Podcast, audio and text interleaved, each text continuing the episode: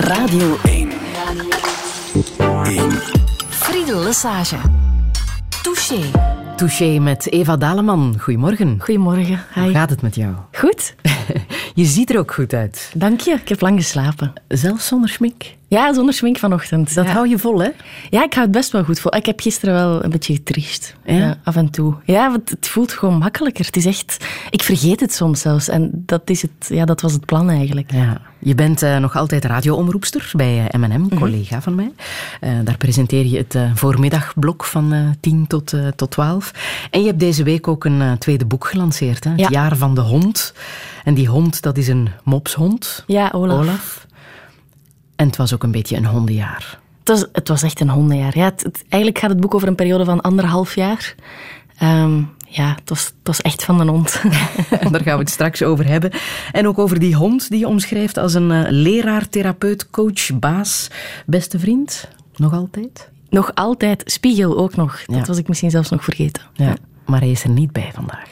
Nee, ik denk dat hij niet zo fan is van radiostudios. Of misschien net iets te veel fan van alle kabeltjes die hier liggen. Dus Ah, dat ja. zou niet goed aflopen. Dat zou gevaarlijk zijn. Hoe zou jij jezelf omschrijven?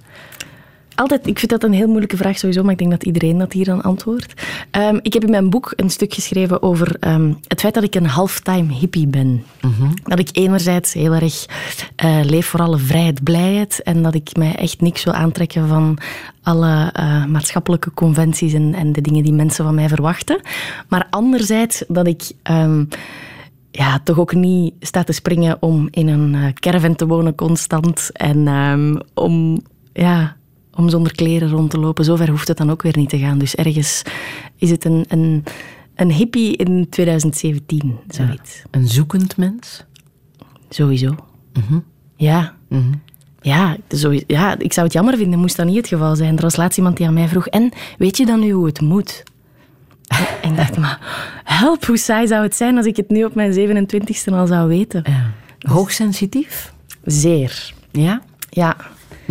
Ja, ik, ik wist het zelf niet. Tot ehm, mijn eh, psycholoog zei van, ik heb hier eens wat boeken die je moet lezen.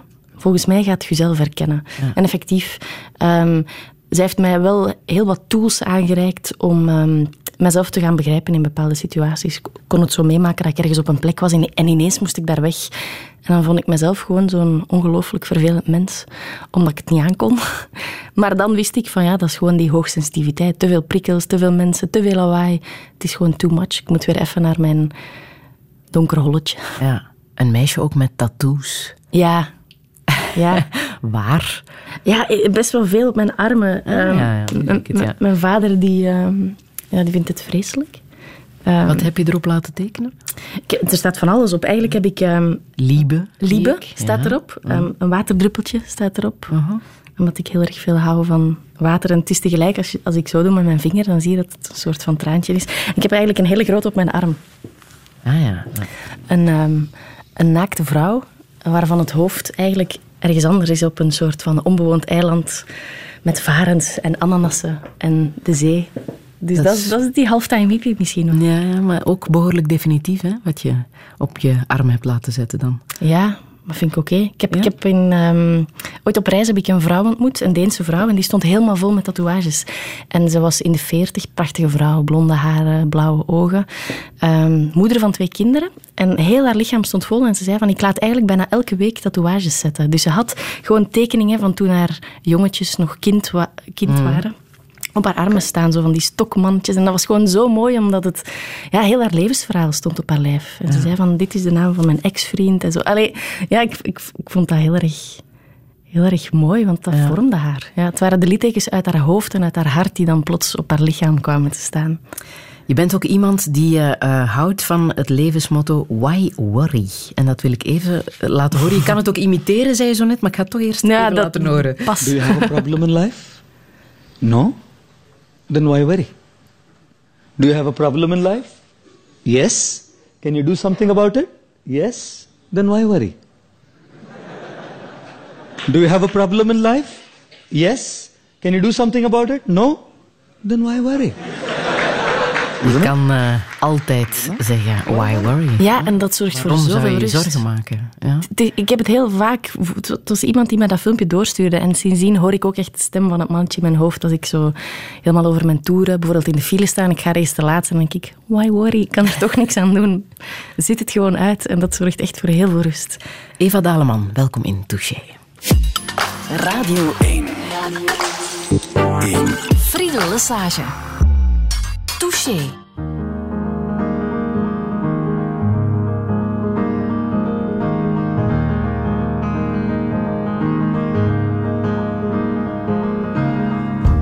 I'm all at sea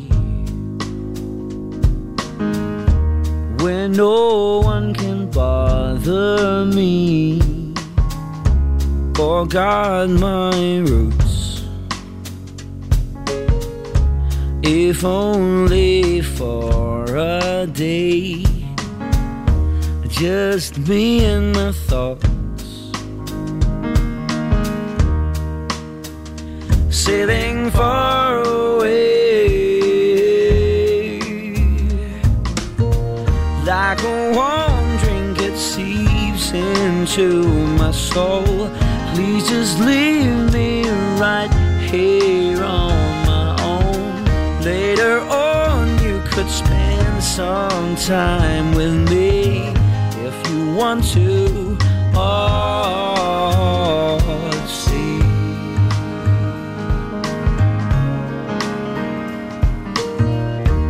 I'm old, sea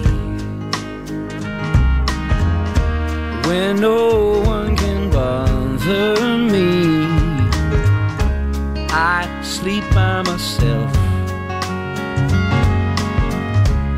I drink on my own. I don't speak to nobody. I gave away my phone like a warm drink it seeps into my soul. Please just leave me right here on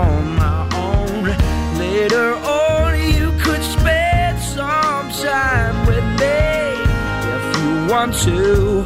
Oh,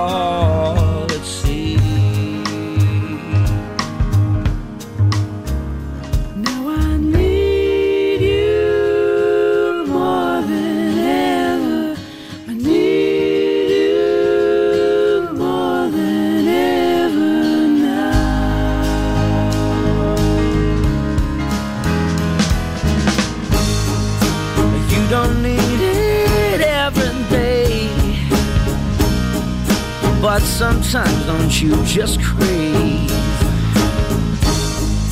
to disappear within your mind. You never know what you might find. So come and spend some time with me. We will spend it all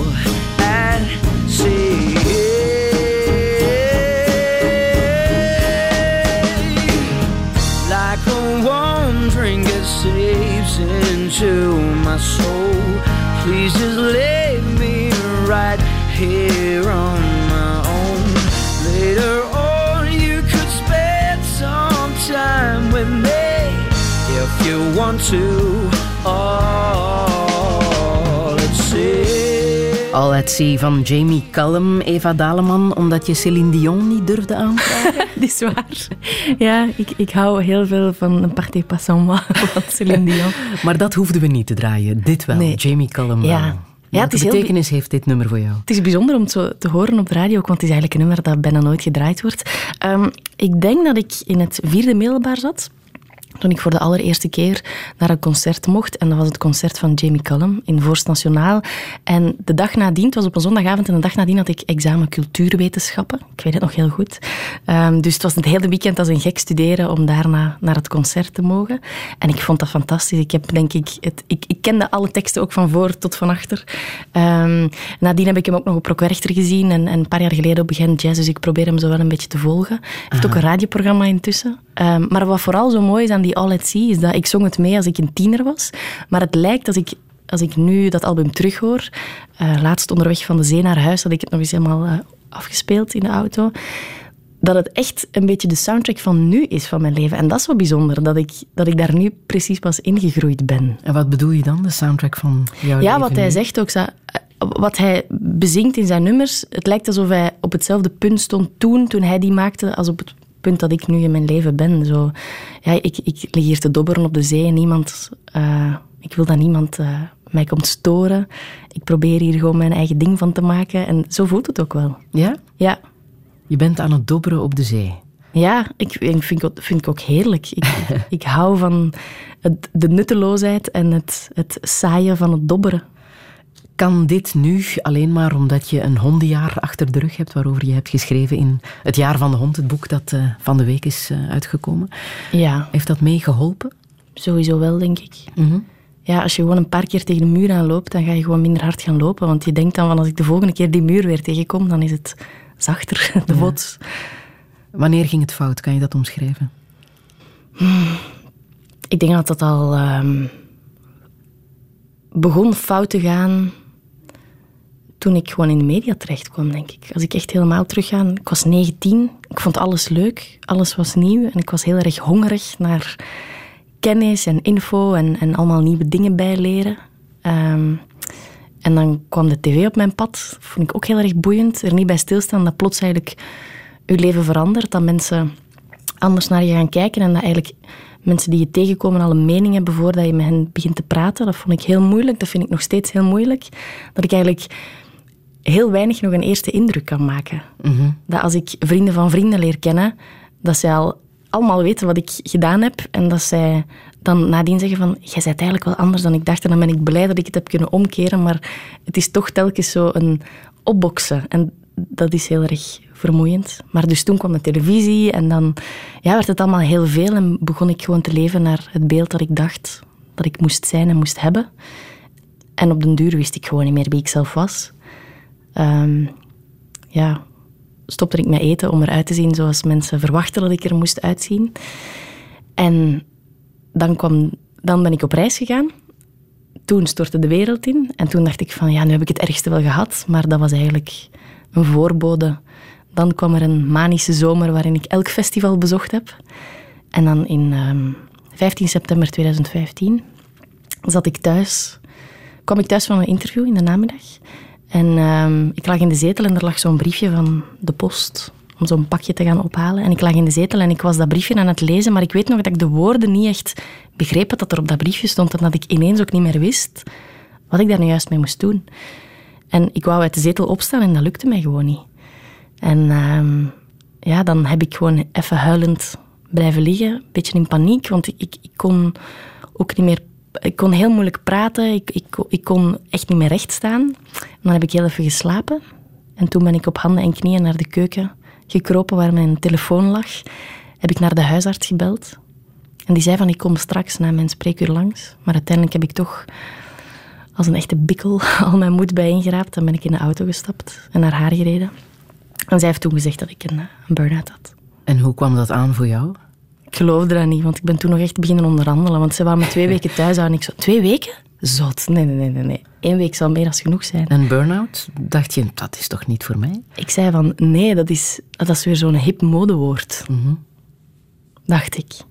Het zou weer typisch zijn dat ik dat heb, zo dacht ik. Mm -hmm. um, en ik dacht vooral ook van, nee, want mensen gaan dat zeker niet geloven. Ik geloof het zelf niet. Dus hoe ga ik dit moeten gaan uitleggen? Ik ben 26, nee, toen nog 25.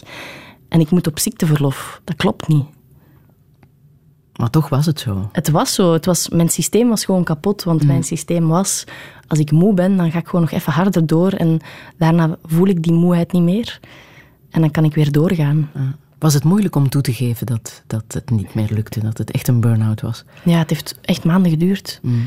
Omdat ik in het begin mij echt heel hard bleef verzetten. Fysiek had ik erg veel pijn. Ik had echt hele brandende heupen en ik kon heel moeilijk stappen en zo. Um, laatst maakte ik een, um, een wandeling met mijn zus op de plek waar ik altijd ging wandelen toen ik mijn burn-out had en toen ik Olaf zelfs nog niet had, mijn hond. En we waren van de auto tot aan een bankje gestapt. En ik weet nog dat ik toen tegen haar zei van... Als ik, toen ik mijn burn-out had, dan raakte ik net tot aan dit bankje. En dan moest ik hier een half uur wachten. En dan slenterde ik weer naar de auto. Terwijl nu, dat, dat bankje stond 100 meter ver of zo. Dus dat is echt heel absurd om te merken hoe slecht het toen ging. Ja. Nochtans, je had een uh, mega topjaar achter de rug, hè, 2015. Daar uh, heb je echt wel... Uh, je had een boek uit, Factor ja. 25. En je had ook dat wereldrecord presenteren op M&M mm -hmm. gedaan met Peter van der Veire. En dat klonk toen zo. Bon, het is intussen vier over twaalf. Mm -hmm. We zijn dinsdag begonnen om acht uur. Eva? Ja, het is nu zaterdag, vijf over twaalf bijna. 85 uur hebben we gehaald. Dat was gisteren. Ja. We gaan het officieel maken. België, je hebt er een wereldrecord bij.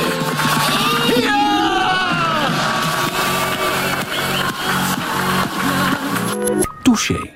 100 uur radio presenteren en vooral heel weinig slapen. En dat heeft jou gekraakt ook, hè? Ja, we hebben het wereldrecord trouwens nog altijd, dat best ja. fijn is, zoveel jaar nadien. Ja, um, ja dat, heeft, dat is echt zo...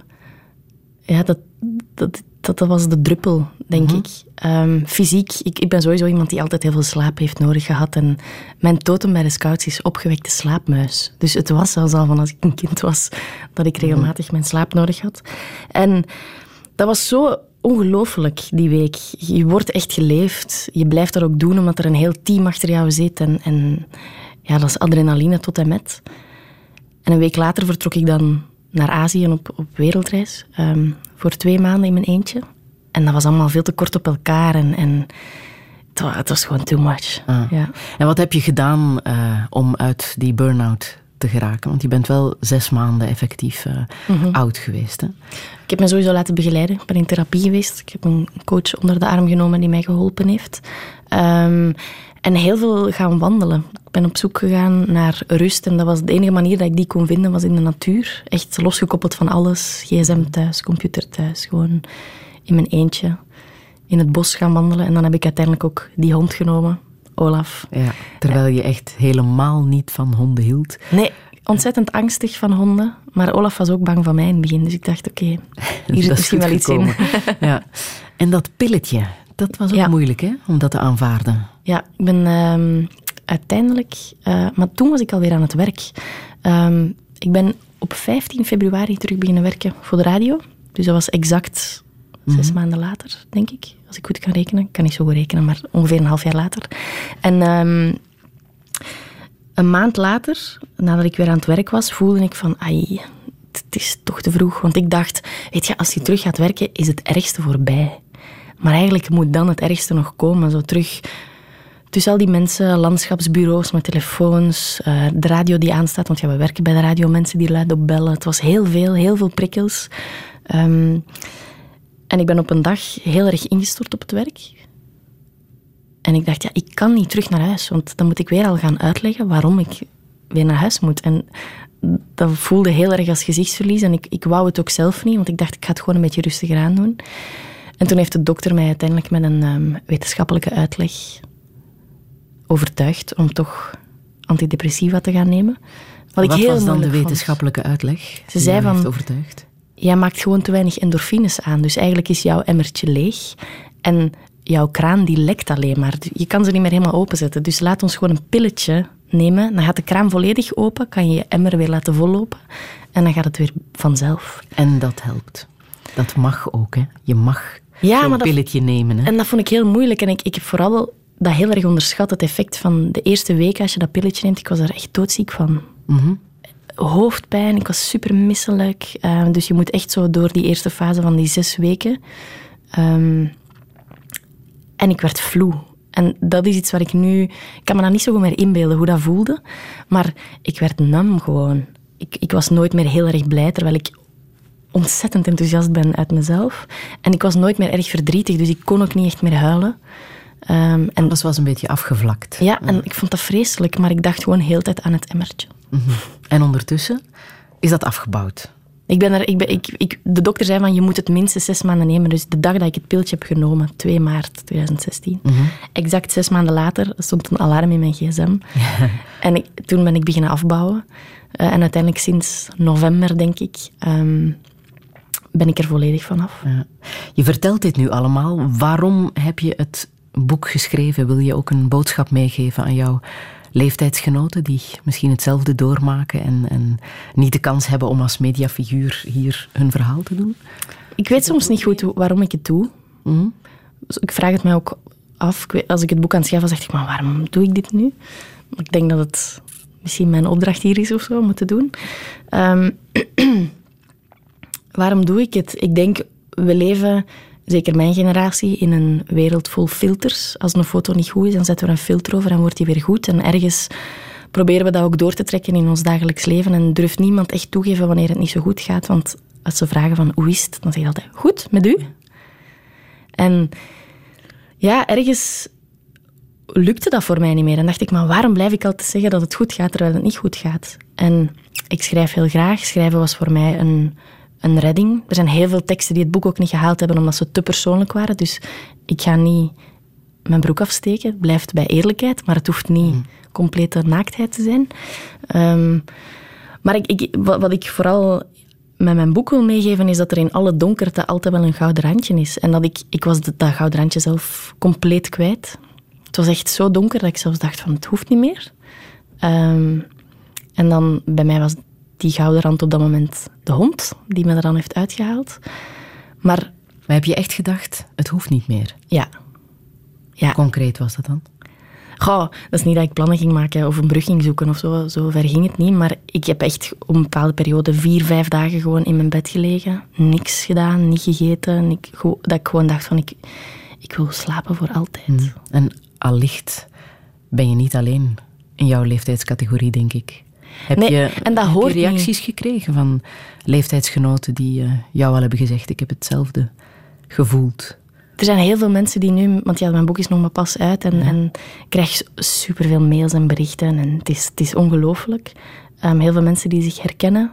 Um, soms is het ook wel een beetje moeilijk om die berichten te krijgen, omdat ik, ik ben geen therapeut natuurlijk, dus ik zeg dan ook altijd van, ik vind het super fijn dat je jouw verhaal deelt, maar ga alsjeblieft hulp zoeken, want ik kan jou niet helpen. Ik kan alleen maar jouw hand nemen en zeggen: Dit is mijn verhaal, doe, doe ermee wat je ermee mhm. moet doen. Ehm, maar ja, er zijn heel veel mensen. Het is, het is ongelooflijk eigenlijk um, hoeveel mensen vergelijkbare dingen hebben meegemaakt. En dat is een beetje het moeilijke dat het ook niet, niet hoort, want wij wonen in België, een welvarend land. Alles gaat hier heel goed, um, heel veel kansen voor de jeugd, alles kan. En het lijkt dan zo heel, ja, hoe moet ik het zeggen? Uh, alsof wij niet dankbaar en heel ondankbaar dat we dan zeggen dat het allemaal moeilijk is.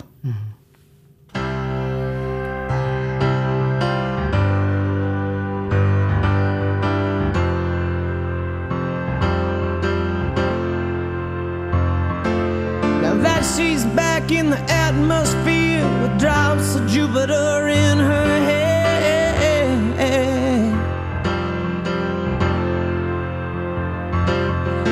Acts like summer and walks like rain. Reminds me that there's a time to change. Hey, hey, hey.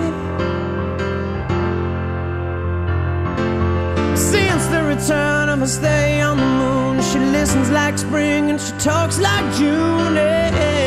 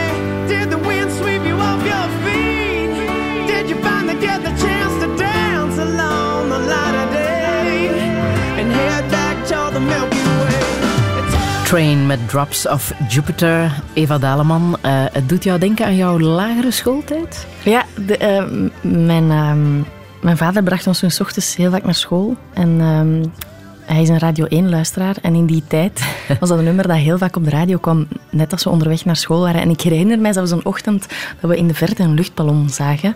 En de lucht was zo prachtig oranje. En toen speelde dit nummer op de radio. En eigenlijk sinds een paar jaar is het ook een nummer dat ik altijd als eerste afspeel op 1 januari. Ah ja? Ik weet ook niet waarom, maar het blijft zo'n soort van traditie. En dan denk ik van, als ik het niet doe, dan gaat er wel iets misgaan dit jaar. Dus ik zal het maar spelen. Wat voor meisje was je toen je op die lagere school zat? Ik denk ehm, heel actief, heel luid, een beetje maar per ongeluk luid. Vooral uit enthousiasme luid, denk ik. En erg creatief en beweeglijk, vermoed ik. En dat luid en aanwezig zijn, was dat een compensatie voor iets? Dat weet ik niet. Ik weet het eigenlijk niet. Nee, nee. thuis was het altijd luid. We, we waren altijd luid. Ja? Ik, ben met twee, ik ben de oudste van drie meisjes. Ja. En we zijn alle drie wel luid, denk ik. Ik weet niet hoe het komt. Ja. Wat voor band heb je met je zussen?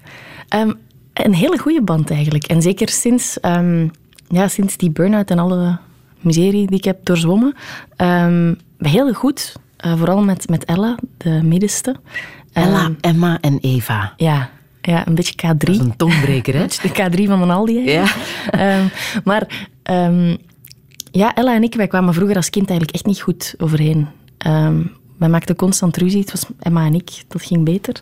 Eh, maar eigenlijk sinds een jaar ja, komen Ella en ik supergoed overeen. Gisteravond bijvoorbeeld, dan gaan we samen pizza halen en doen wij girls night. En hoe komt dat? Waar, van waar de switch? Ik weet het niet. Ik denk dat we ehm, ja, gewoon heel erg naar elkaar toegegroeid zijn, sowieso. Dat we misschien voor elkaar wat milder zijn geworden. Dat we de verschillen ehm, een beetje als, meer als kracht zi- zijn gaan zien dan als een gebrek in onze band. Ehm, en ja, sinds kort is Ella ook... Ik werk als zelfstandige. Ella is ook zelfstandige geworden. En ja, dat... Ja, we voelen... een. Ja, dat schept gewoon een band, denk ik. Ja, Ja. Eh, ik las dat je ook wel als, als klein meisje gepest bent geweest. ja, als tiener. Waarom Ja. dan? Goh, ik kwam op een internaat terecht en ehm, ik weet eigenlijk nooit waarom. Dat was gewoon heel moeilijk. Ik, ik was meteen geviseerd van in het begin. En dat is voor mezelf nog altijd best wel heftig dat dat gebeurd is. Ehm, En hoe werd je gepest? goh, dat ging ver. Dat was zelfs ook fysiek pesten. Ik weet dat ik toen ehm, iets aan mijn knie had en dat ik met krukken liep en dat zelfs mijn krukken onderuit gestampt werden. En ja, dat was heel heftig. En hoe eh, reageerde je daar zelf op? Wat, wat deed je daartegen? Ik schrok van mezelf, want ik die altijd zo luid was, ik klapte gewoon helemaal dicht. Ik ging niks meer zeggen. Ik werd gewoon extreem verdrietig. Ja, Had je veel vriendinnetjes? het was een nieuwe school. Ik had wel een paar vriendinnetjes, ehm, maar niet zoveel. Ik, was, ik kwam dan op dat internaat en ik had plots ongelooflijk veel heimwee. Ja, ik wou daar gewoon weg. en ik ben er uiteindelijk ook na een half jaar weggegaan, Ja. omdat ik echt mijn draai niet vond. En dan ben ik naar, eh, ja, naar een andere school gegaan, gemeenschapsonderwijs. En dat was wel heel fijn, omdat er heel veel vrijheid was. Goede leraars gehad? Waar je fijne herinneringen aan hebt? Ja, een aantal fijne leraars. Ehm, ik herinner mij vooral ehm, meneer Wuits uit het eh, eerste en tweede middelbaar. Ik zat in een katholieke school en dat was, ik vond dat heel moeilijk, want dat was best wel streng. Ik zat in de Latijnse richting, maar we hadden zo één optieuurtje dat we konden kiezen. Dus je kon zo kiezen tussen techniek of sport. En ik had voor drama gekozen, dus toneelspelen. En ehm, ik heb trouwens een foldertje. Ik zou eens even kijken. Ik heb, het, ik heb het gevonden in mijn doos met allemaal oude briefjes van meneer Wuits. Ehm, ja, die, die, die was zo motiverend naar al die kinderen toe. En, die probeerden op het, het op een andere manier aan te pakken. En af en toe, op woensdagnamiddag, gingen we samen met hem, met nog een aantal leerlingen, naar theater. En hij reed met zo'n zwarte cabrio. En dan mochten wij mee in de cabrio. en uh, ja, dat was echt heel fijn. Hij zag er ook heel bijzonder uit. Hij was redelijk klein, een beetje een scherpe neus en van dat lange grijze haar. Um, een aantal jaar geleden is hij overleden, helaas. En toen um, ben naar zijn begrafenis geweest. En daar heb ik eigenlijk een andere vriendin van vroeger op school. We waren wat uit elkaar gegroeid, teruggezien. En sindsdien zijn wij weer beste maatjes. En ik, mm. ja, ik geloof dat Willy Wuits daarvoor gezorgd heeft toen. Mm. Heeft hij misschien ook mee ervoor gezorgd dat je op een of andere manier in de media bent terechtgekomen? Dat je aan het rits bent gaan studeren? Dat je die richting uit bent gegaan? Ik denk het wel. Hij stimuleerde leerlingen vooral om te durven. En om te durven nu zelf te zijn en anders te zijn. Terwijl in de rest van de school moesten wij mooi in de pas lopen. En ik denk dat dat hem zo bijzonder heeft gemaakt. En ik geloof dat ik niet de enige leerling ben die nog zo'n warme herinnering aan die man heeft. Mhm. En, het, en het rits radio maken, was dat jouw ultieme droom? Ik wou eigenlijk, uh, ja, ik wou gaan theater spelen. En ik was gaan ingangsexamen doen aan uh, het conservatorium in Gent. En daar was ik er niet door, helaas. En dan dacht ik van ja, moet ik maar iets deftig gaan doen zeker, hè? want dat zeggen ze dan. Dus toen dacht ik, van vertaler, tolk, boe, journalistiek, boe, is toch mijn ding niet. Totdat iemand zei van zeg, ik heb eens gelezen dat er een radioopleiding is. Misschien is dat iets voor jou. En dan ben ik dat beginnen opzoeken. En eh, een paar weken later ingangsexamen gaan doen. Dat was een hele week waarin we testen moesten doen. En ik was erbij. Ja, met twaalf zijn we aan de richting mhm. begonnen. En uiteindelijk zijn we met vier afgestudeerd. En ook heel snel bij de radio terechtgekomen, hè? Ja, tijdens mijn opleiding nog. Ja, wat best moeilijk was. Ja? Ja, omdat het, het reeds, dus nu nog steeds, was echt een kunstopleiding. En ze hadden het daar best moeilijk met M&M. Want het was commercieel. Oeh, het grote C-woord, maar ja, dat was mm. moeilijk. Maar je kon er heel snel aan de slag en eh, mhm. eh, had ook meteen veel succes. Ja, dat was per ongeluk. Ja? Allee, ik, ja, je hebt natuurlijk...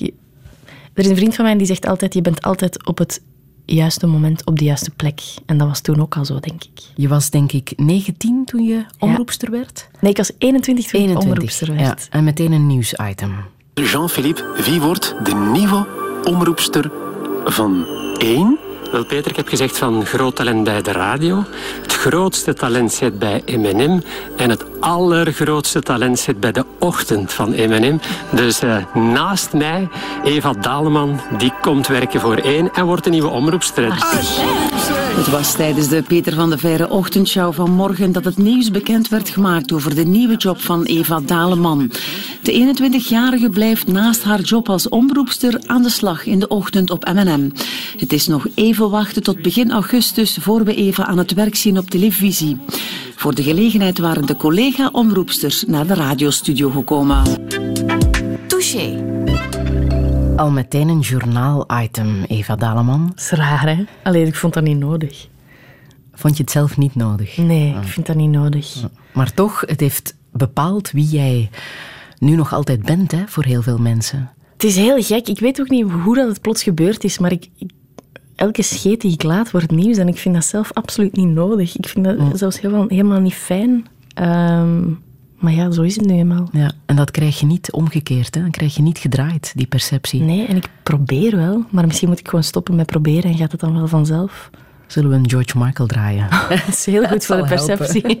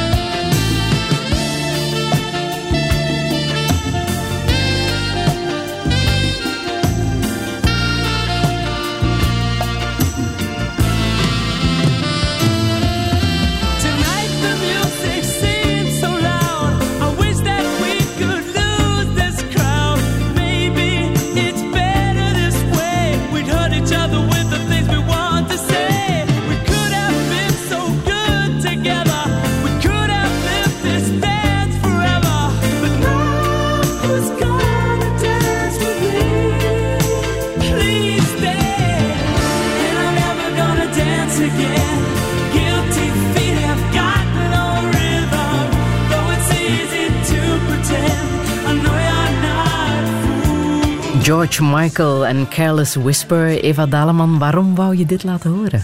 Uh, ik zeg altijd dat ik ga trouwen met de intro van dat nummer. met die saxofoon-solo. Ja. Ik ben zelf saxofonist. Ik heb uh, van mijn 8 tot mijn 19 heel intens uh, saxofoon gespeeld. Heel intensief saxofoon gespeeld. Intens ook waarschijnlijk. Um, en ja, dat was, voor mij was dat dan zo van, als ik dat kan spelen, oké, okay, dan is het oké. Okay. Ja, en waarom ben je dan geen saxofoniste geworden?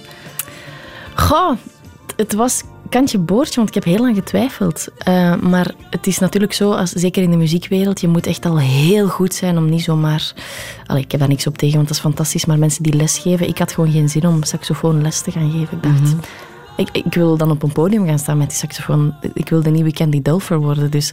Ik heb geen zin om, om in een conservatorium in een hoekje jonge kinderen te leren saxofoon spelen. Speel je nu nog? Veel te weinig. Het is echt jammer. Maar ik, ik, durf niet zo goed. Want iedereen hoort natuurlijk als je speelt, de buren en zo. Gewoon in een half open bebouwing. Ik denk dan altijd van, oh, waarschijnlijk denken die daar is weer. nee, wat we door daarnet vertelden, hè, dat je um, wel vrij jong in de media bent, uh, bent mm-hmm. getuimeld. En uh, dat uh, ja, iedereen een, een, beeld heeft van Eva Daleman. En waar je toch tegen vecht. Hè.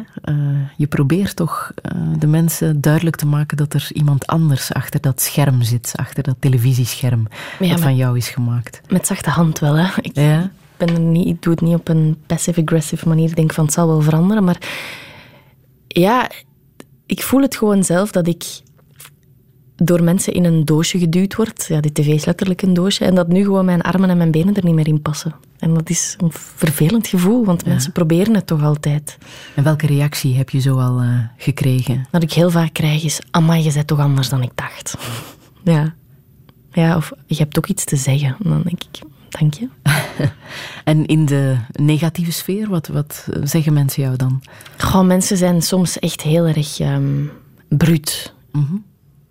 Ja, ik, ik moest um, gisteren signeren en ik hoorde iemand luidop zeggen van...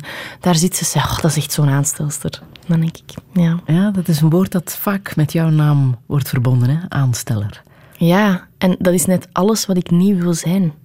Want ik denk net van laat ons gewoon eerlijk en open zijn en niet doen alsof en niet alles groter maken dan het is. Want ik, ik, bijvoorbeeld die burn-out is gekomen doordat ik zelf echt alles ging kapot relativeren en minimaliseren. Dus ik ben alles behalve een aanstelster. Mm -hmm. Verknocht aan de media? Nee. Nee, want ik denk steeds vaker van misschien is, ben ik er klaar mee. Ja? Ja. Ja, ik dacht dat ik het nodig had, maar dat, dat voelt niet zo. Ik, ik voel me net comfortabeler als het zo minder is. Als er, als er minder... Ik maak heel graag radio, maar dat is om het vak radio. Dat is niet omdat ik voor mensen mag praten. Mm um, of om bekend te zijn. Ja, voilà, ja. absoluut niet. Um, maar ik merk het nu, ik heb heel lang geen interviews en zo gegeven en nu mijn boek uit is, ja, natuurlijk wordt er dan vanuit de uitgeverij verwacht dat je promo voert. En ik doe dat dan ook met veel plezier, maar ik kijk er nu wel weer naar uit om binnenkort weer gewoon ja, het, mijn gewone leventje te leiden in de schaduw. En ja, je doet ook andere dingen dan, uh, dan media alleen. Hè? Ondertussen mm -hmm. geef je zelfs yogales. Ja. ja. Dat heeft echt niks met media te maken. Nee, nee ik, had, ik, ik heb het een tijdje moeilijk gehad met de banaliteit van het vak, van ons vak. Mm -hmm. allee, bij jou is dat misschien nog een beetje anders, maar ik dacht van, je hebt de mensen die levens redden en ik zit hier plaatjes aan en af te kondigen. Ik dacht van, man. Op een vrolijke zender als ja. M&M, waar alles kan. En... Ja, en, en ik, ik, ben, ik klink altijd heel blij. En daarna kom ik thuis en denk ik, wat heb ik nu gedaan? Ja, niks. Allee, of jawel, ik heb muziek gedraaid, maar meer dan dat is het ook niet. En ik besef ook wel dat entertainment nodig is. Um, dat dat gewoon het glitterrandje van ons bestaan is. Dus dat dat ook wel belangrijk is. Maar voor mezelf was dat op een bepaald moment niet genoeg. En ik deed al heel erg lang yoga. En toen dacht ik van, misschien moet ik een opleiding gaan volgen, gewoon al om mijn eigen yoga practice gewoon beter te kunnen aanpakken en te weten waar ik mee bezig ben, mijn eigen lichaam te leren kennen. En dat was zo'n verrijking om plots ja, anatomieles te krijgen. En, en oh, ik vind dat allemaal zo boeiend. Want toen dacht ik van, amai, waarom ben ik geen dokter gaan studeren? Want ik vind dat allemaal zo interessant. um, en hoe heb je het zelf ontdekt, de kracht van yoga? Ik heb op een bepaald moment... ehm, ik, deed yoga vooral voor de sport. Oorspronkelijk, vijf jaar geleden, ben ik met Bikram yoga begonnen. Dat is zo eh 90 minuten in een kamer van 40 graden, waarbij je echt denkt, ah, please, laat mij sterven, want ik wil hier niet levend uitkomen. Ehm, en nadien, ehm, eigenlijk was het tijdens mijn burn-out, zag ik een... een TED-talk van iemand die eh, het had over 30 days challenges. Dus die zei van, ik doe regelmatig challenges van 30 dagen waarbij ik iets nieuws uitprobeer. En die 30 dagen, dat is net genoeg om ofwel liefde voor het vak te ontwikkelen, ofwel gewoon te beseffen, dit is niks voor mij. En dan heb ik ook niet een jaar verspild, maar zijn het ook maar 30 dagen. En toen dacht ik, weet je, ik ga gewoon 30 dagen elke ochtend yoga doen. En dat was ongelooflijk, want ik miste het ook, het ook echt na die 30 dagen. Ik denk dat ik de 31ste dag dan dacht, ah, ik moet even geen yoga doen. En de 32ste stond ik alweer op mijn mat. Ehm, gewoon het, de stilte, ehm, het leren luisteren naar ons lichaam. Wij doen dat zo weinig. Ehm, wij leven echt in ons hoofd. Wij luisteren niet naar de signalen die ons lichaam ons wil geven. En dat is wat ik, wat ik zo'n verrijking vond. Dat ik niet ging strijden tegen mijn lichaam, maar dat ik dacht van oké, wij moeten gewoon maatjes worden en ik moet u leren begrijpen.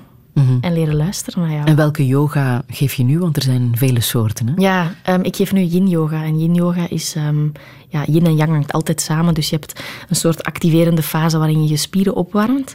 En daarna blijf je veel langer in houdingen liggen. eh, Waardoor je echt heel diep op je bindweefsel gaat werken. Maar bijvoorbeeld als je echt vier minuten in een bepaalde houding ligt... Dat is ook voor jezelf in je hoofd een strijd. Want je moet echt... Ja, je ligt gewoon stil. En plots merk je van... Amai, mijn hoofd is bij de afwas van straks. Of bij die afspraak van morgen. Of... Amai, mijn teennagels, ik moet daar... Allee, dus je bent zo snel afgeleid. En daar leer je zoveel uit. Wil je je verder specialiseren? Want je hebt echt een, een eigen yogaschooltje. Ja, eh, ja. ja, en ik ga in de zomer een maand naar Italië eh, voor een opleiding. Eh, ja, het interesseert me allemaal zo erg. Ehm, ja, ons lijf heeft ons zoveel te vertellen. ja. We wait, we pray for the rain, for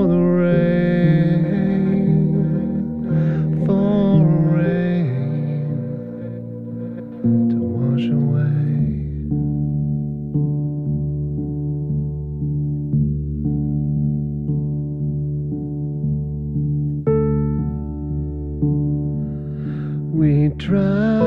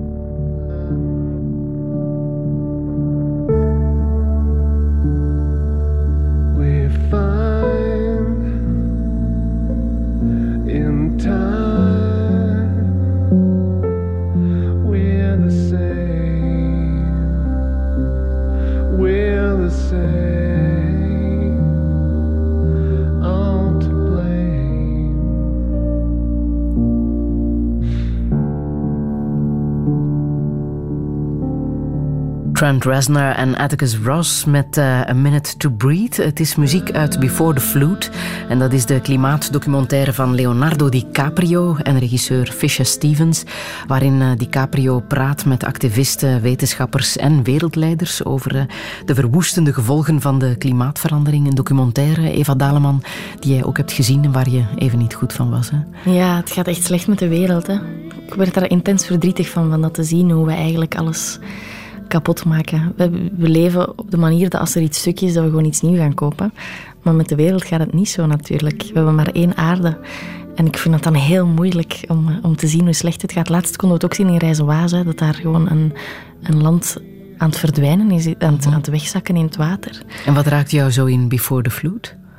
Ja, ik vind, ik vind vooral ik vind het heel moeilijk om, om te zien hoe moeilijk het ja, hoe, hoe wereldleiders het nog kunnen ontkennen dat snap ik gewoon echt niet. Dan denk ik van, maar please, doe er gewoon iets aan. Wat doe je zelf? Um, ik, probeer, ik, ik let heel erg op. Ik, ik koop um, biologische voeding of, of bij plaatselijke boeren en zo. Dat doe ik heel hard. Ik heb altijd een drinkfles bij, want er ligt gewoon miljarden kilo's plastic in onze oceanen. Um, dus daar let ik heel erg op. Dus ik probeer echt niet op een gefreakte manier, maar wel zo weinig mogelijk verpakkingen te kopen. Ik neem nooit plastic zakken aan. Ik, gisteren, ik kocht gisteren een boek en ze deden er een plastic zak rond. Dus ik nee, hier, hou hem bij. Mm. dus ik probeer echt kleine, kleine dingetjes er gewoon een beetje rekening mee te houden. Um, heb je, wat voor boek heb je gekocht? Yoga in de keuken. In de keuken? Ja, het, het zijn speciale... Uh, ja, het gaat over, over, voeding en yoga aan elkaar gelinkt. Um, ja, dat leek me boeiend. Ja. Je bent nog een ander boek aan het lezen, hè? Ja. Van... Sylvain Tesson. Ja, zes maanden in de Siberische wouden. Ja. Een bijzonder verhaal, hè? Van die Fransman die echt helemaal naar de onbewoonde wereld is getrokken om daar eh, te overleven, zes maanden lang, ja. met de natuur. Ja, en hij heeft een kist met boeken bij, een kist met vodka en een kist met eten. Aha. Ja. En wat gebeurt er? Wel, er gebeurt eigenlijk niks. En net dat is zo fantastisch, vind ik. Hoe hij het ja, die nutteloosheid en die banaliteit zo prachtig omschrijft. En, en ja, ik bedacht me laatst van uiteindelijk wat maakt een raam nuttig? Dat is de nutteloosheid van de ruimte ertussenin. Dus dat is ook wat hij daar een beetje probeert aan te tonen. En er gebeurt niks en je weet van morgen gaat er ook niks gebeuren, maar toch blijf je verder lezen. En um, het is wel heel radicaal wat hij doet natuurlijk. Um, het is overleven, hè? Ja. Ik weet niet of het enkel overleven is. Um, ik las nu deze week een, een verhaal in de krant van een Limburger die ook probeert met 2500 euro een jaar lang te leven. En ik denk dat het gewoon heel erg um, ja, in your face is als je plots merkt van het kan ook met veel minder. Mm -hmm. Ja, en dat, dat boeit me wel, want dan, denk ik, dan heb ik ook heel erg de neiging om dat te gaan doen. Ik ben, ik ben sowieso nogal radicaal van aard, dus ik moet mezelf dan echt tegenhouden. Ja. Maar ben je een lezer? Ja, ik lees ontzettend graag. Um, heel veel ook. Je refereert in uh, jouw boek Het jaar van de hond ook naar uh, De ontembare vrouw. Ja. Uh, een boek van de psychoanalyticus Clarissa Pincola Estes. Mm -hmm. Wat heeft jou daarin zo geraakt in dat boek? Ja, vooral... Um, ja, het is al een hele tijd gelezen, geleden dat ik het gelezen heb. Hè, dus ik moet weer even gaan oprakelen um, wat er allemaal in gebeurde. Maar vooral eigenlijk dat, we, dat er heel veel prototypes zogezegd van vrouwen zijn en dat we daar allemaal proberen in te passen. En dat vond ik heel erg... Um, ja, dat deed mijn ogen wel openen. Het, zijn, uh, het is een verzameling van vrouwenverhalen, ja, hè? Ja, ja, ja. En, en ja, hoe, hoe moeilijk we het onszelf soms maken om vrouw te laten zijn. Hoezo? Ja, uh, ga, ik kan het wel moeilijk uitleggen, maar ik, ik denk dat we het... Um, sowieso door onze maatschappij die heel erg op mannen is gericht, dat het al moeilijker wordt. En, en ja, het was vorige week Internationale Vrouwendag en dan ging het daar ook over hij glazen plafond en al die dingen. Maar dat wij ook zelfs in hoge functies proberen onze vrouwelijkheid nog weg te duwen, omdat we dan denken, omdat we nu in deze functie zitten, moeten we toch proberen een beetje ja, die mannelijkheid te laten uitkomen voor onze geloofwaardigheid. Op dat vlak bijvoorbeeld. Uh, Heb jij het gevoel dat je je moet verdedigen als vrouw? Um, verdedigen. Maar je bent als, weet je, als je als vrouw bijvoorbeeld over je emoties praat, dan ben je al heel snel een jankwijf. Terwijl als een man dat doet, dan denk je, mm, sympathiek. Ja. Dus op dat vlak denk ik dat veel mensen veel strenger zijn voor vrouwen dan voor mannen. Ja. Zit er ook een feministe in jou? Ik denk, ik hoop in alle vrouwen dat er een beetje een feministe zit. Mm -hmm. um, ja, tuurlijk. Ik heb nog muziek van uh, Ibrahim Malouf, de fantastische jazz-trompetist. Ja. Um, waarom wou je dit laten horen? Wel, het is eigenlijk heel toevallig. Um, iemand sprak mij over het boek van Sylvain Tesson van Zes mhm. maanden in de Siberische wouden. En ik had een soort random... Uh, ik was een yoga-playlist aan het maken. En toen kwam ik plots Levitation tegen. En dat blijkt gewoon de soundtrack te zijn van de film over het boek. Dus dacht ik, ja, dat kan geen toeval zijn. Ja.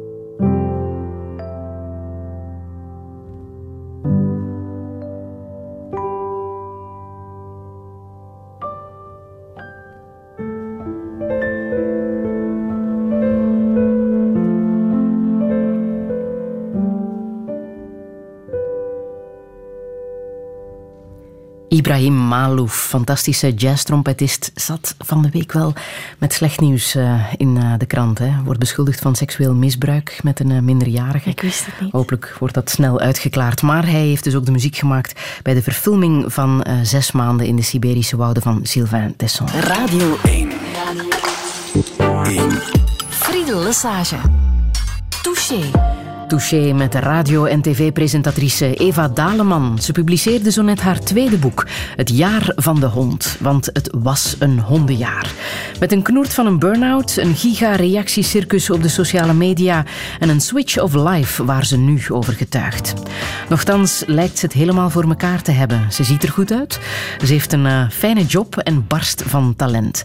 Is ze de spreekbuis van haar generatie, de verwende millennials die verslaafd zijn aan Facebook, obsessief met eten bezig zijn en last hebben van een quarter-life-crisis? We hebben nog veel te bespreken in deze touché met M&M-collega Eva Daleman. Een zeer goede middag.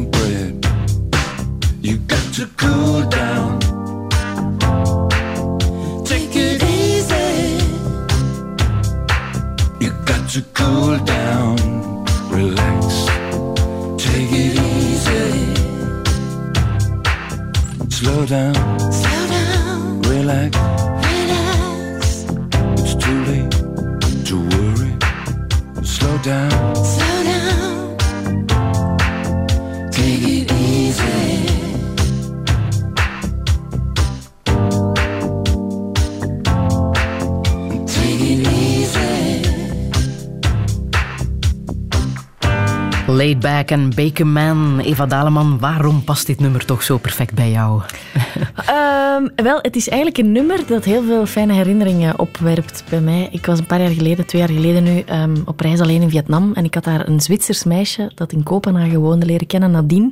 En we hebben een tijdje ehm, samen gereisd. En we hadden afgesproken dat dat ons liedje was. Dus dat heeft echt honderd keer opgestaan. En nog steeds als ik het hoor, dan word ik helemaal warm van Het is binnen. het suikerbonenliedje, dat weet je toch, hè? Ik wist het niet, Ja? dat er suikerbonen in gezegd werd. Bedankt daarvoor. Sagabona zingen ze, maar eens je weet dat het suikerbonen zijn, dan hoor je alleen maar suikerbonen. Ja. Maar je hebt het zo net even opgezocht. Wat, wat ze eigenlijk zingen. Ze zingen eigenlijk Sagabona Kun, Kunjani Wena, dat zingen ze. En dat betekent, dat is Swahili voor hallo, hoe gaat het met je? Voilà. Dus dat hebben we ook weer bijgeleerd. En daarom zeg ik, het past zo bij jou. Ja? Want daar wil je terug naartoe, hè? Hoe gaat het met je? Ja, De echte vraag. en de echte vraag, ja. Ja. Reizen, eh, dat doe je graag, hè? Mhm. Om welke reden? Wat, wat gebeurt er als jij reist? Goh, ik, ik ben gewoon erg nieuwsgierig, denk ik. En leergierig. Dus als je reist, leer je heel veel bij. Kom je heel veel te weten. Ehm, leer je heel veel mensen kennen. Ehm, gewoon, het is fijn om ergens anders te zijn ook, vind ik. Ehm, enerzijds omdat je dan, als je terug bent, voelt hoe blij je bent om weer thuis te zijn. Of misschien ook niet. Ehm, ja, en anderzijds vind ik het gewoon altijd een verrijking om te reizen. Is er een plek waar je zou kunnen wonen? Hmm, er zijn heel veel plekken waar ik zou kunnen wonen. Denk het wel. Waar voel je je het meeste thuis? Goh, ik, ik kom steeds meer en meer op het punt dat het niet zozeer met de omgeving te maken heeft, ehm, maar meer met eh, wie er bij mij is en, en hoe het met mij gaat. Eh, wat ik best wel een fijn punt vind. Dat je mij eender waar zou kunnen zetten en dat ik wel mijn weg zou kunnen vinden. Maar het meisje uit Kopenhagen, waar je Mhm. dan mee hebt eh, rondgereisd, had het ook daarmee te maken? Want Kopenhagen Ja. in Denemarken ja, wordt gezien als het, eh, het, mens, het, het, het land met de meest gelukkige mensen. Hè? Ja, ik ben een enorme fan van Kopenhagen. Ehm, wat ik ook heel fijn vond, was als, als ik alleen op reis was, kwam bijvoorbeeld Australiërs tegen en iedereen dacht daar dat ik uit Denemarken kwam. En dacht ik, ah, tof. Ehm, ja, het is, het is, bij haar was het toevallig natuurlijk. Al, alhoewel, ik geloof niet in toeval, dus ze woont in Kopenhagen. Ehm, ja, dat, dat is gewoon een fantastisch land. En ik denk dat ze daar een aantal keuzes hebben gemaakt om het leven van de mensen aangenamer en makkelijker te maken. Zoals? Ja, zo, ze hebben daar die, in Zweden bijvoorbeeld, ik spreek nu over heel Scandinavië, dat ze daar die kortere ehm, werkweken hebben, dat ze eh, de fika hebben op het werk, hè? Ja. eh, de koffiebreak, ehm, dat, dat mannen ook een jaar vaderschapsverlof hebben. Ehm, ja, ja, die dingen allemaal. Ja. En het Deense hygge. Ja, hugge moet je Ja. ja. Mhm. Waar boeken vol over geschreven worden, waar zelfs winkels naar genoemd worden. eh, Ja. Daar kan je hygge kopen. Doe jij dat? Weet je wat ik zo jammer vind? Dat, van alles, dat alles dan weer zo als trend wordt bestempeld. Vorige week stond in de krant... Thuis blijven op vrijdagavond is hip. En dan denk ik, maar waarom moet daar een ding van gemaakt worden? Met Hugge is het net hetzelfde. Ik denk dat we al heel lang per ongeluk Hugge zijn. En heel veel van gezelligheid houden. Maar dan niet met de intentie van, nu zijn we mee. Mm. Dat is een dag lang in pyjama rondlopen en een Ja. schapenvelletje voor het haardvuur hebben. En- Kaarsen, kaarsen aansteken Kaarsen is ook aansteken, Hugge. Dat doen we ja. toch al zoveel jaren. Ja. Wat doe jij om het hygge te maken bij je thuis? Ik denk dat het altijd Hugge is bij me thuis. Ja? Ja, altijd heel gezellig en gemoedelijk. Ehm, gewoon, ehm, ja. Vroeger zei ik altijd. Niemand had gezegd dat het makkelijk zou zijn. Als ik, als ik dan dacht van, ach, het is wel moeilijk. En nu zeg ik, waarom moeilijk als het ook makkelijk kan? Je woont alleen, hè? Ja. Ja, dit zat uh, van de week in het nieuws. Uh, het aantal singles in uh, België blijft toenemen. Tegen 2060 zal de helft van alle Belgische huishoudens uit één persoon bestaan. En dit zei Dimitri Mortelmans, een socioloog. die zei dit in Houtenkiet afgelopen week. De groep die nu single is, die groep is jong, hoogopgeleid en zeer mondig. Die groeit en dus die zal na een tijd ook de eigen stem verheffen en, en beginnen wegen op de politieke agenda. Om een voorbeeld te geven, in de toerismesector is er de, de singlesbijslag. Wel, dat, dat soort discriminatie, daarop wordt heel sterk gereageerd door die groep. Touché. Voel je je aangesproken? Ben jij het soort single dat het niet rechtvaardig vindt dat hij meer moet betalen als hij alleen op reis gaat? Tuurlijk, dat is toch raar? Want mhm. eigenlijk gebruik je minder water, bijvoorbeeld als je alleen op een kamer slaapt. En toch moet je meer betalen, wat ik echt vreemd vind. Mm. Ehm, maar ik las laatst, er is een, een, Nederlandse dame, en die heeft er ook een boek over geschreven, um, over de dates die ze had. En ze, ze zei in een interview in Knak... Um, zei ze, het tegenwoordig wordt het gezien als je single bent dat dat een wachtkamer is en dat je daar zo snel mogelijk uit moet uit die wachtkamer. Maar dat is eigenlijk veranderd. Alleen vroeger was het zo en nu is het veranderd. Er zijn steeds meer singles. Ik merk ook vrienden die ik heb, vrienden rondom mij. Steeds meer mensen die alleen zijn. Of mensen die in een relatie zitten en die er echt bewust voor kiezen om toch nog alleen te wonen. Mhm. Ehm, dus ik begrijp het wel.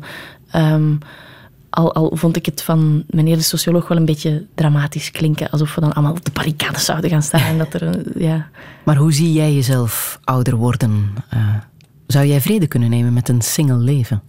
Goh, het is altijd leuker met twee. Um, dat sowieso. Eigenlijk, waar ik van droom, is in een soort commune gaan wonen. Maar dan een moderne commune. Dus dat je eigenlijk bijvoorbeeld een grote boerderij koopt met uh, een koppel samen of, of verschillende mensen samen. Uh, waardoor je dan samenleeft, maar toch ook alleen. Uh, dat zou jij wel zien zitten? Ja, zo helemaal alleen, nee, dat hoeft niet. Mm, want je hebt huidhonger, hè? Ja, wat is dat? Huidhonger? Mooi woord, hè? Ja. Um, dat, is, dat is gewoon dat je, dat je huid wil voelen, dat je mensen wil knuffelen. Um, ik las er een artikel over in de morgen, hele tijd geleden, um, waarin ze schreven van bijvoorbeeld mensen die op straat leven, die hebben enorme huidhonger, omdat die eigenlijk nooit geknuffeld worden. Mm -hmm. uh, en ik vond dat zo mooi omschreven en ik dacht, ja, dat, dat ken ik wel. Ja. Oh. Heb jij last van het alleen zijn? Last niet. Ik heb het ik ben het aan, aan het... Uh, ik, ik, denk dat het lastiger was toen ik mezelf nog niet zo goed kende. En dat ik er nu vooral wel van geniet om alleen te zijn. Ik heb het ook nodig af en toe. Um, maar ik kan bijvoorbeeld zien dat ik een hond heb makkelijker alleen zijn, omdat ik dan toch niet helemaal alleen ben, maar dat ik ook niet hoef te praten. Mm -hmm. Ik denk dat het dan eerder dat is. Um, ben intussen je vraag alweer vergeten. Uh, het gaat over het alleen zijn en, en ja, ook wel veel jongeren die zich eenzaam voelen. Hè? Ja, ik snap Wat de nog iets anders wel. is, maar Herken je dat? Ja, ja maar er zijn twee verschillen in eenzaamheid. Je hebt sociale eenzaamheid, waarin je dus echt ja, geen vrienden hebt of niet buiten komt. En dan is er ook emotionele eenzaamheid. En emotionele eenzaamheid is eerder een leegte in jezelf. En dat heb ik wel heel erg. Mhm. Want ik ben sociaal wel heel goed omringd en ik heb fijne vrienden en ik zie veel mensen. Maar er is wel een leegte die ik echt kan voelen in mezelf, ja. Is dat een beetje de ziekte van, uh, van jouw generatie? Wat bedoel je? Je leeg voelen. Ga, voel jij je nooit leeg? Terwijl jij bent een andere generatie. Mm Dus ik, ik weet niet of het de ziekte is. Ik, ik denk dat, dat het gewoon ergens uitvergroot wordt, omdat we nu eenmaal ook veel met sociale media en zo bezig zijn. Maar het heet ook sociale media, dus op zich. Mm Maar het gaat die leegte niet opvullen, natuurlijk. Um, je kan altijd deelnemen aan Temptation Island, hè? Oh, mag ik ook passen, alsjeblieft. maar toch, je was fan ik was, is een heel groot woord. Het eerste seizoen, uh, nee, het nieuwe seizoen vorig jaar heb ik wel af en toe bekeken. Maar dit jaar was ik echt, uh, ja, het heeft me heel erg triest gemaakt. Vooral ja, hoe tv-makers echt het slecht in de mensen naar boven kunnen halen. Ik, ik, vind, ik vind het vuil, ja. En toch kijken zoveel mensen. Ja, ja, ik vind het heel jammer. En mensen, dat is echt, mensen lachen met mensen en dat, daar heb ik het best wel moeilijk mee. Um, Pas op, ik hou van komieken en er mag heel veel gelachen worden en daar niet van. Maar dit is zo plat en zo lelijk ook. Dat, ja, nee, het is echt niet mijn ding. Ik ben daardoor een beetje teleurgesteld in de mensheid soms.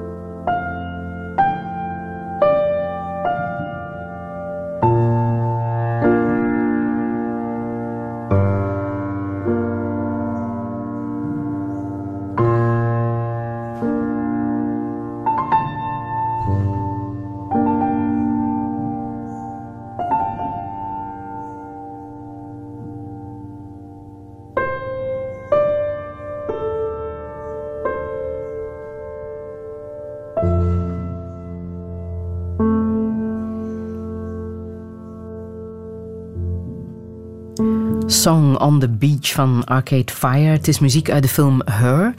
Um, de film met uh, Joachim Phoenix, de Oscarfilm ook van 2013 van uh, Spike Jonze. Uh, Eva Daleman, je wou het heel graag over die film hebben. Hè? Die muziek ja. past er ook wel perfect bij. Waarom precies? Wel, Her vertelt het verhaal van een man. En um, eigenlijk, misschien is het eerst belangrijk om dat te vertellen. Dus je ziet hoe het leven er in de toekomst aan toe zal gaan. Allee, eigenlijk is het ons leven nu, maar ze blikken vooruit. Of, of... 2025 of zoiets. Ja. Mensen hebben een oortje, één oortje, en um, daar kunnen ze aan vragen van read-e-mails. Um, dus dat oortje houdt hen op de hoogte van alles. Dus je, je ziet op een bepaald moment in een scène heel veel mensen in de metro staan en iedereen is aan het babbelen, maar niemand praat met elkaar. Dus iedereen praat tegen dat oortje, wat ik heel erg triest vind. En nadien um, koopt de hoofdrolspeler Joaquin Phoenix, um, die koopt een besturingssysteem, een OS noemen ze het daar. En dat, dat besturingssysteem heeft een intuïtie, dus hij heeft ook echt een persoonlijkheid. En hij wordt daar verliefd op. En dat is, oh, dat, vind, dat is zo hartverscheurend. Dat het, ja, en het, ik, ik, vroeg mij ook heel tijd af tijdens het zien van de film of het er effectief in de toekomst zo aan toe zal gaan of niet. Uh, de digitalisering. Want je bent ja. natuurlijk wel een beetje een uh, ja, product van die generatie, hè? Ja. de digitale generatie. Ja. Uh, hoe verslaafd ben je zelf? Goh, ik ben best verslaafd. Uh, ik denk dat we allemaal verslaafd zijn. Iedereen zegt altijd van ja, de jeugd is verslaafd. Maar ik denk dat we allemaal wel um, heel erg de reflex hebben om dingen te gaan opzoeken als we iets niet weten. Zulke dingen. Fluo gsm is hier nog niet uit het beeld verdwenen, kan ik zeggen. Ja, pas op, hij staat wel af en hij ligt wel aan de kant. Dus het is niet dat ik er constant um, Maar het scheelt niet ben. veel. Is het waar? Ja. Valt het op? Ja. Ah, nogthans? Ja. Ik doe Naar het toilet met de gsm. Ah ja, dat was ja. Wel, ja, ik wou gewoon even de reacties lezen. um, um, maar ik, ik heb mezelf wel echt regels opgelegd op vlak van die gsm. En ik heb ook beslist, op een bepaald moment... Je ziet heel veel mensen wiens leven draait rond de sociale media. En ik, ik wil het eerder zo bekijken dat ik op sociale media mijn leven toon en niet dat ik het ga omdraaien. Dat ik mijn leven ga leiden om het op sociale media te kunnen tonen. Maar heb je nog een account op uh, Facebook? Uh, ik heb nog een account op Facebook. Het is een tijdje weg geweest. maar um, ja, het is terug. Maar ik ga er binnenkort weer af, want ik heb het even gehad. Ik zet het ook regelmatig uit en ik meld me regelmatig af. Um, en ook op Instagram en zo. Um, om de zoveel tijd uh, zet ik dat een paar dagen uit. Want en... welke invloed heeft dat op wie je bent en door het leven gaat? Hoe bepalend is dat? Mm. Als je zelf beslist van nu zet ik het even uit. Wat betekent dat? Ik vind het vooral fijn als het uitstaat dat mijn wereld erg klein is. Um, dat vind ik heel leuk, dat als ik een paar dagen op reis ga en ik geen gsm bij heb, dat ik... Ja, dat, dat heeft gewoon ook heel veel invloed. Je merkt plots hoe scherper je staat. Hoe, als ik ga wandelen dan, dat ik plots een kikker zie of dat mijn zintuigen veel alerter zijn. Um, dat ik minder afgeleid ben. Um, dat probeer ik hier ook wel zoveel mogelijk te bereiken. Maar hoe verandert het mij? Poeh, dat weet ik niet. Ik, ik heb nooit anders geweten, natuurlijk. Mm -hmm. Maar je hebt het verhaal van je burn-out mm -hmm. ook echt aangekondigd via Facebook. Hè? Ja. Was dat achteraf gezien het juiste kanaal om dat te doen? En moest dat? Goh, op dat moment heb ik um, samen met mijn manager we hebben er heel veel gesprekken over gehad. Want het ging natuurlijk al sinds september niet goed. En er, er steeds meer kwamen de roddels. En um, uh, werden er verhalen verteld. En plots deed er het verhaal eronder dat ik eventueel zwanger zou zijn. Want ja, ik was fysiek niet in orde, dus mijn zielklier werkte. En ik was heel erg veel bijgekomen. Dus ja, wie weet is wel zwanger. En uh, ik dacht van ja, dat wil ik niet over mezelf lezen.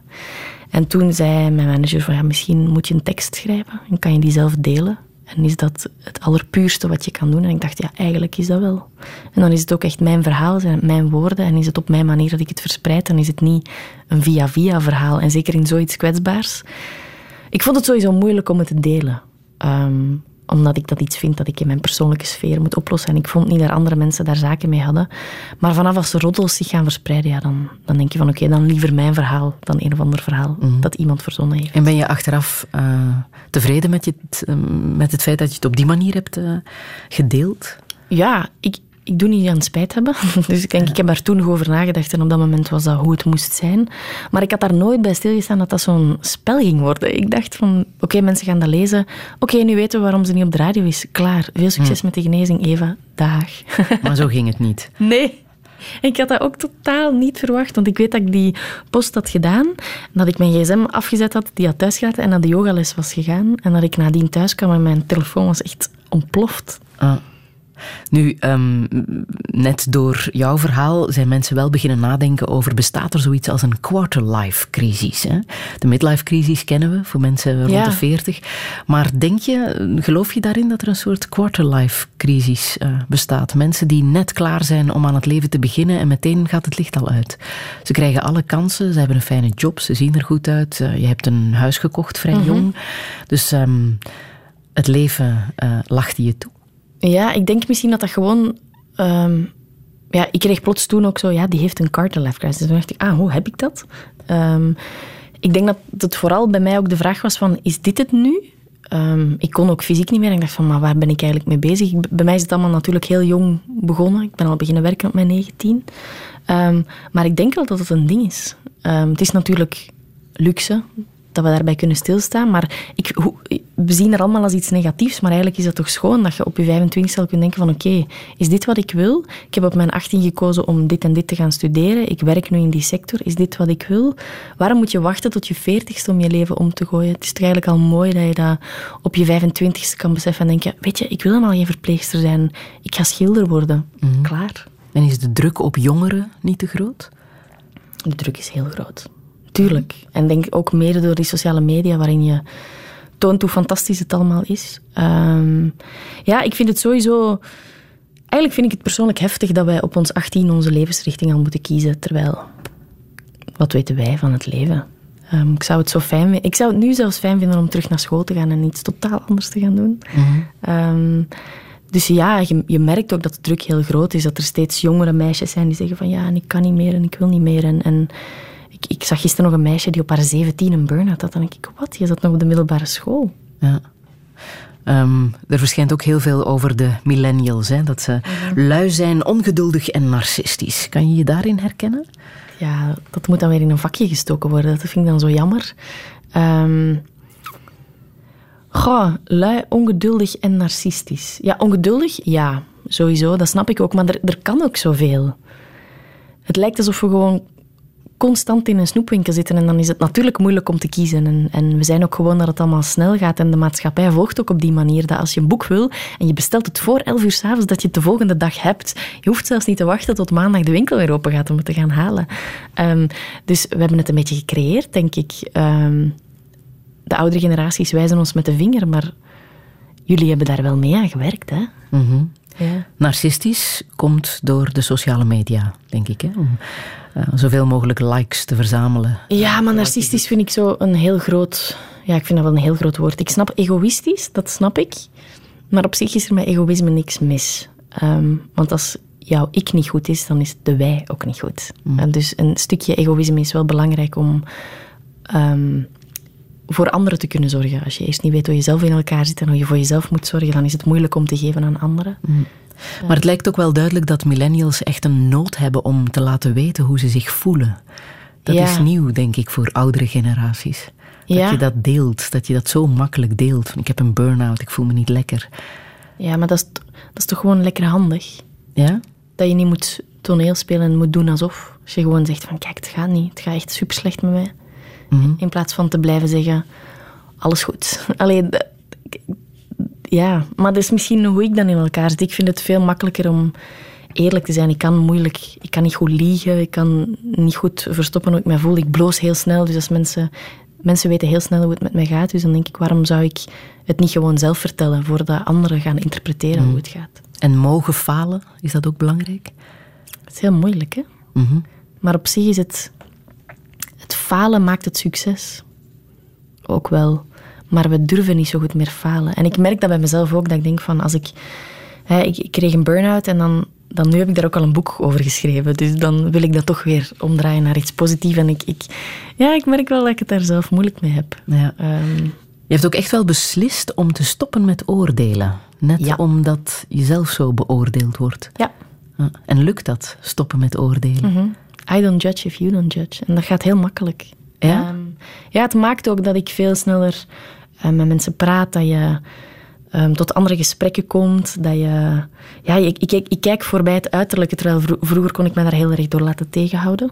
Um, En ook, ik, ik, vind, ik zou het zo jammer vinden, omdat je zo echt een deel van mensen hun verhaal mist, doordat je het zelf al gaat invullen. Dus dacht ik van, ik stop er gewoon mee. Leven de positiviteit.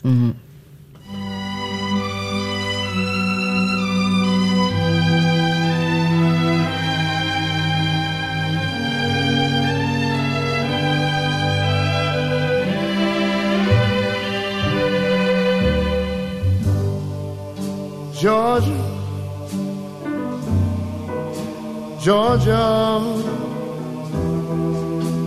the whole day through. Just an old sweet song keeps Georgia on my mind. Georgia on my mind. I said, Georgia. Georgia,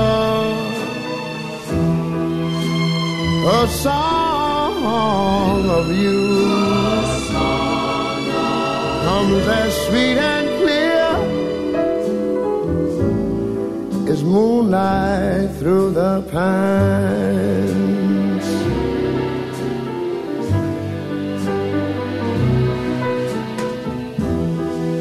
Other arms reach out to me. Other eyes smile tenderly.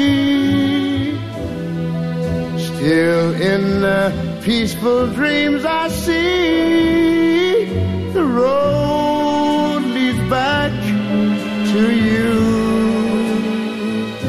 I said, Georgia. Oh, Georgia, no peace I find. Just an old sweet song keeps Georgia on my mind. Georgia on my mind. Other arms reach out to me. Other eyes smile tenderly. Still in peaceful dreams I see the road leads back to you. Whoa, Georgia, Georgia. No peace, no peace I find. Just an old sweet song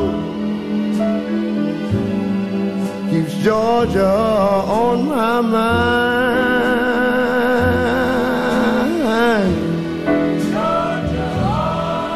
I said just an old sweet song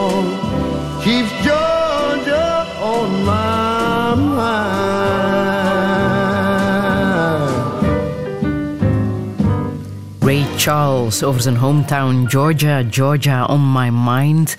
Eva Daleman, waarom wou je dit laten horen? Ach, ik vind het gewoon bloedmooi. Echt fantastisch. En de film Ray heb ik ook echt, denk twaalf keer of zo gezien. Fantastisch mooie film. Allee, harde film.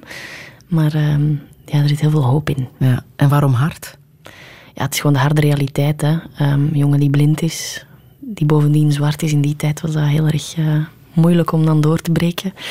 Die aan drugs verslaafd raakt en die eigenlijk eh, ook een beetje verslaafd raakt aan de liefde en aan heel veel vrouwen. En uiteindelijk komt het toch weer allemaal goed. Mhm. Waarin geloof jij? Ik geloof in, ehm, in de kracht van positiviteit. Daarin geloof ik heel erg. Dat je zelf creëert wat je aantrekt. Het klinkt vaag, hè? Maar dat geloof ik echt. Dat als je zelf kiest om positief in het leven te staan en positieve energie uit te stralen, dat dat omgekeerd ook wel weer jouw kant op komt. Je hebt veel met het boeddhisme, hè? Ja. Ja, nu, letterlijk, het boeddhisme, daar hoef je mij geen vragen over te stellen, want ik denk dat ik daar niet op kan antwoorden. Maar het blijkt wel dat hoe ik in het leven sta, dat, het er best wel eh, veel mee te maken heeft. Mhm. ja. Is spiritueel dan misschien beter? Dat je Ja, misschien is het dat spiritueler bent geworden. Ja. Ja, ik ben sowieso spiritueler geworden. Ehm, ik mee, na, na wat ik meegemaakt op 22 maart in de luchthaven van Zaventem. Ik zat daar letterlijk tussen de twee bommen in en ik heb echt achter mijn leven gerend. voor mij, voor, gewoon gelopen voor het leven.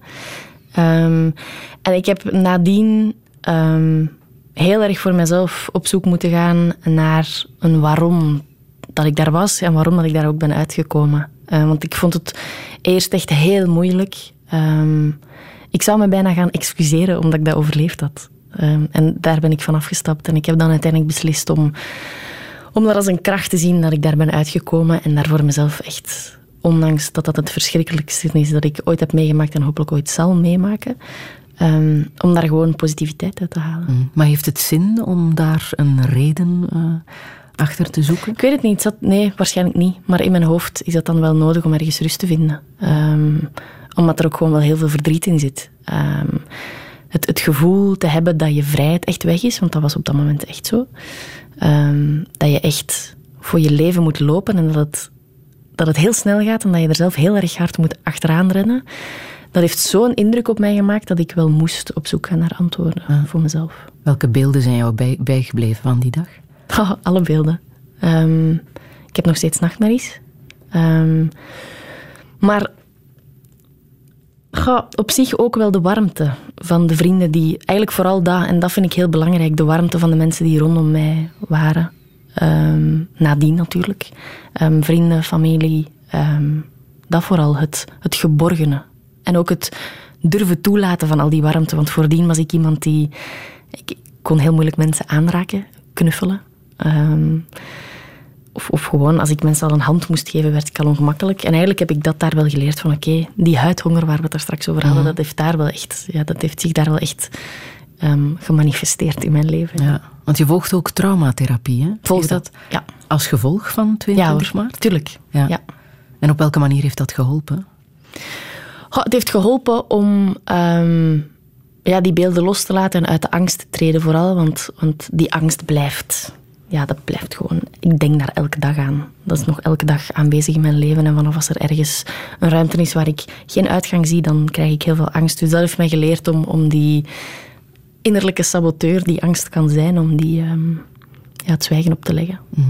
Helpt het ook om dingen los te laten? Al je, je andere trauma's en, en dingen die wat vastzaten in jouw hoofd, om dat los te laten? Ja, ik vind loslaten echt enerzijds het mooiste en anderzijds het meest ambetante woord, want dat is, dat is zo moeilijk.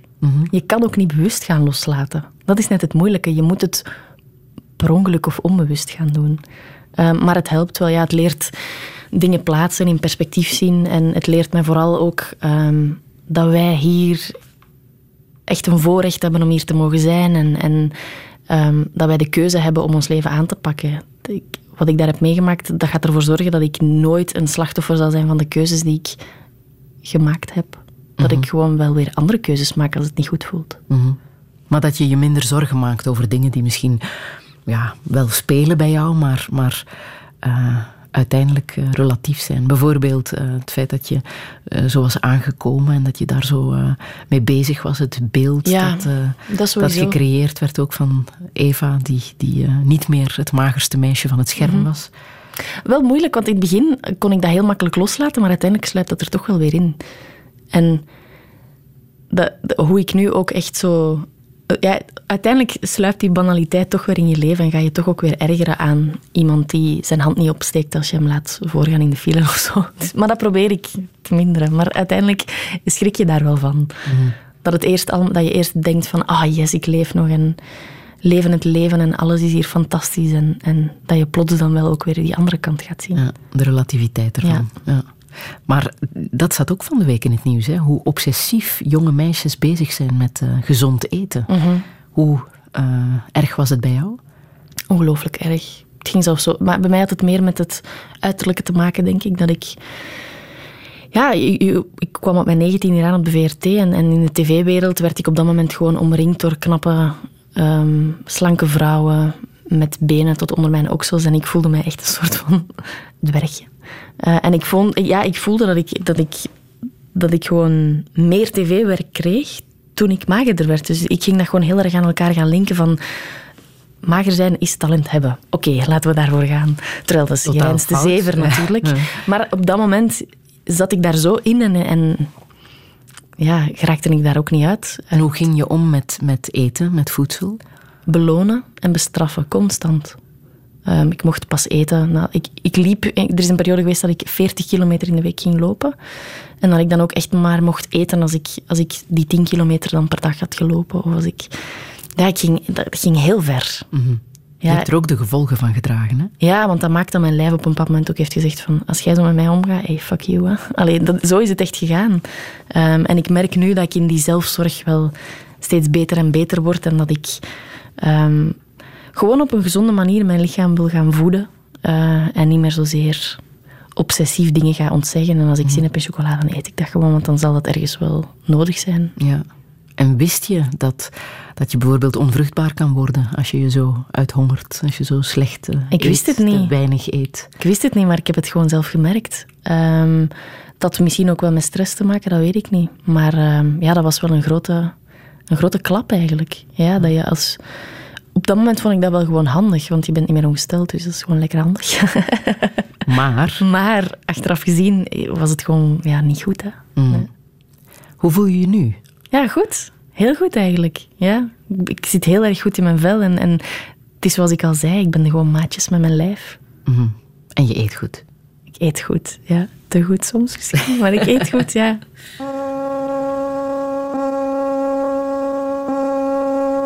It might be over soon.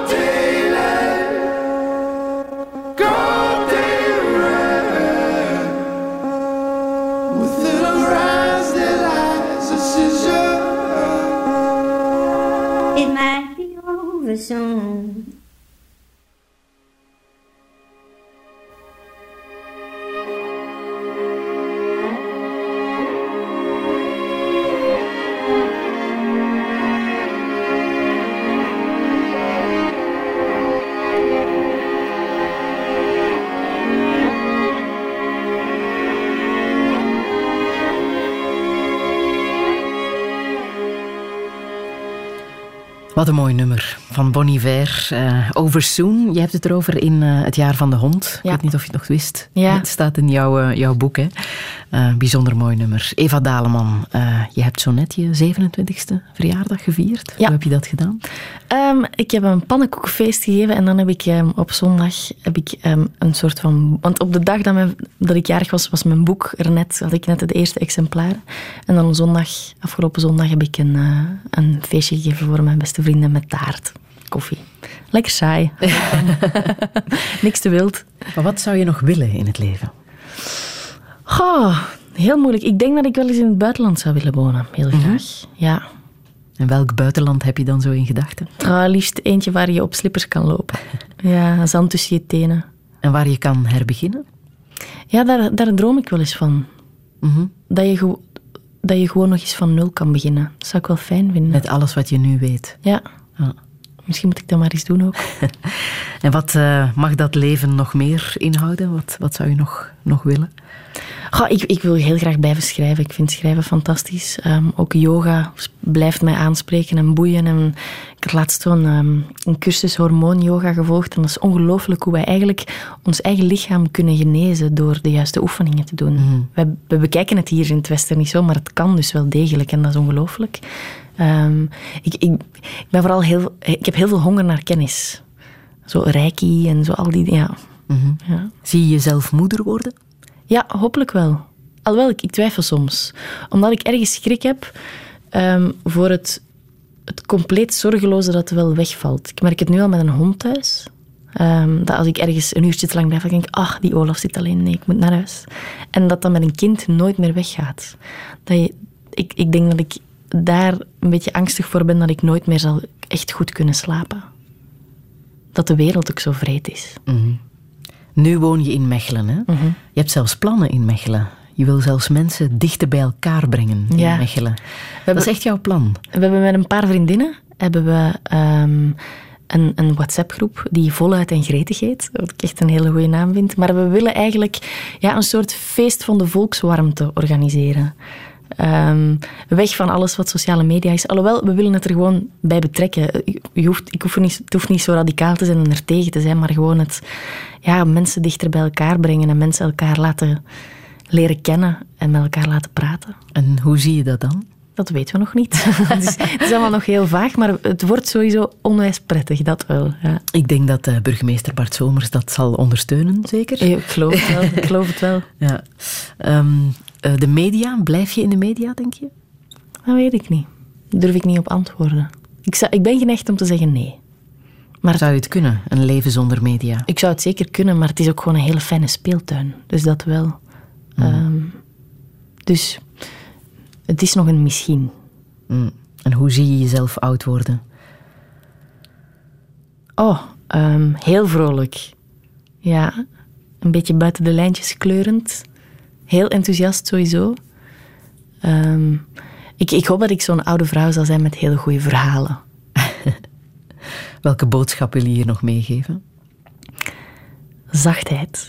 Ja, ik, ik wens mensen heel veel mildheid en zachtheid toe voor zichzelf en voor de anderen. Iedereen zoekt en iedereen probeert. Ehm, dus probeer gewoon ook een beetje zacht te zijn voor anderen. Maar begin bij jezelf, dan gaat het sowieso makkelijker naar anderen toe. Mhm. Ja. Ik heb nog eh, muziek van Oasis, Don't Look Back in Anger. Ja. Zegt veel, hè? Ja, dat is echt mijn nummer. Ja? Waarom? Goh, ehm, ja, ik doe niet aan spijt en dat, dat gaat er ook wel over. Van, van neem gewoon uw ervaringen mee en leer er iets uit. En ga er niet gefrustreerd over geraken of verzuurd over geraken. Ehm, en ook, ja, ik, ik was op Rock Werchter een paar jaar geleden en toen speelde Noel Gallagher dit nummer en ik werd echt compleet zot. Dus het, is- het blijft gewoon een fantastisch nummer. Ja.